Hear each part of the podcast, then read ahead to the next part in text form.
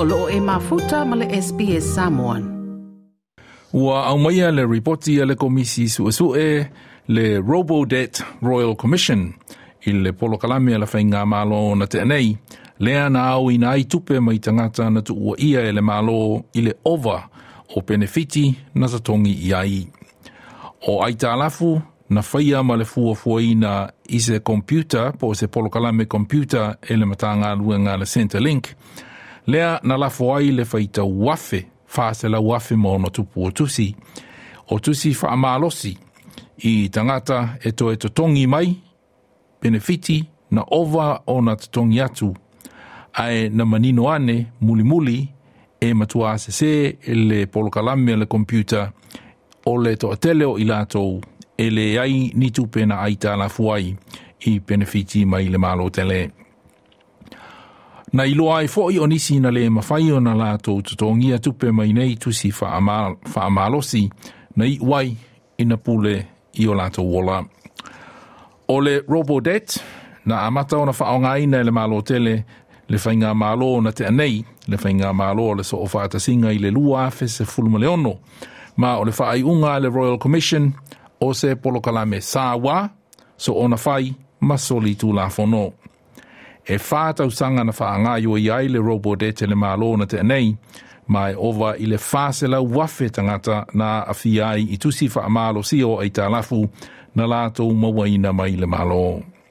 I le asonga fua na te anei, na tali ai e le mālo le reporti e le komisi su su e, ma na sāuno ai le minisita o le matanga luenga o le NDIS, le National Disability Insurance Scheme, Bill Shorten, ua talia e le mālo tele Le tele o whāutuanga po recommendations e lima se furumaleono e pe ona aumaia i le reporti a le Robodet Royal Commission. It was costly in both human and economic terms. So today the Albanese government says never again.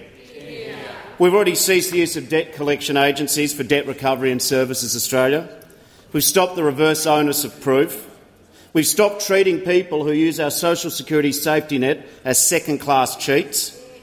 And last week we announced 3,000 new jobs in the front line of Services Australia to help people process their claims and calls. Le minister NDIS Bill Shorten e le ngata i lea ua whaanganga i le mahalotele se lua se fulmaletasi miliona tāla i le whātausanga o lumana i nei, mō le ia o whautuanga po recommendations mai le reporti a le Royal Commission. e ova i le fitu se lau lima se fulu miliona ta la na toe ao mai e le malo na te anei pe na au ini awala le amio tonu ma soli tu la fono e le malo mai tangata na whaalangolango i pene fiti mo le tau o le soi fuanga. E whaengo ina e nisi o se ao pōngi sā i le tautua ina e se whainga malo o tangata au pito silio na vai vai ma le tāngoli mai le atunu uu.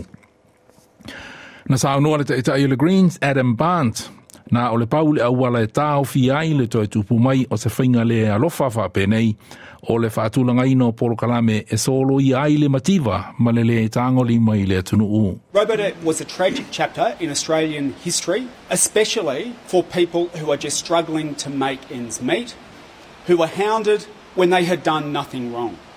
It is good to see action being taken, but you need to do more then just stop. Robo debt, you need to lift people out of poverty. We're in this terrible situation in this wealthy country called Australia where not only are people hounded for debts that they never had, but they're forced to live below the poverty line. The best way to ensure we never see a repeat of this scandal ever again and to ensure that people aren't being pushed to breaking point is to lift people above the poverty line. le se tai le Greens Adam Barnes. I se vaenga o le ripoti e le i whaasalalawina lau tele mai, o lo o whautua i nai e le tai o le komisi suesu e Catherine Holmes le te tauona mō lia o nisi i le tūla fono. Nisi ia na la la mua i le whaamalo sia o le polokalame o le robodet e au ina mai e ai tā lafu mai tangata e le i yaini alato ai tā lafu i benefiti. E le i whaailoa mai e ni suafa, le lo ia sili le malo tele Mark Dreyfus o le o se polo kalame na ma le moe moe e le malo o le soo na te enei ma le vaenga upu le The Liberal Party's robo-debt scheme was not an innocent mistake. This was a deliberate, calculated scheme. The Royal Commission found that robo-debt was a crude and cruel mechanism, neither fair nor legal and it made many people feel like criminals.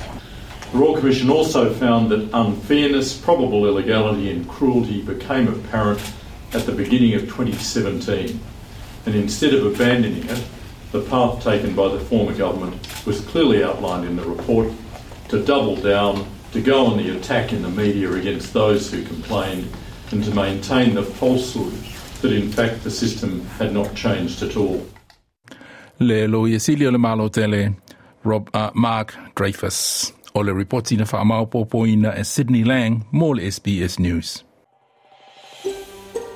Toi fia whaafafonga i nisi tala whaapea? Whaafafonga i le Apple Podcast, le Google Podcast, Spotify, ma po o vai lawa e mawailau podcast.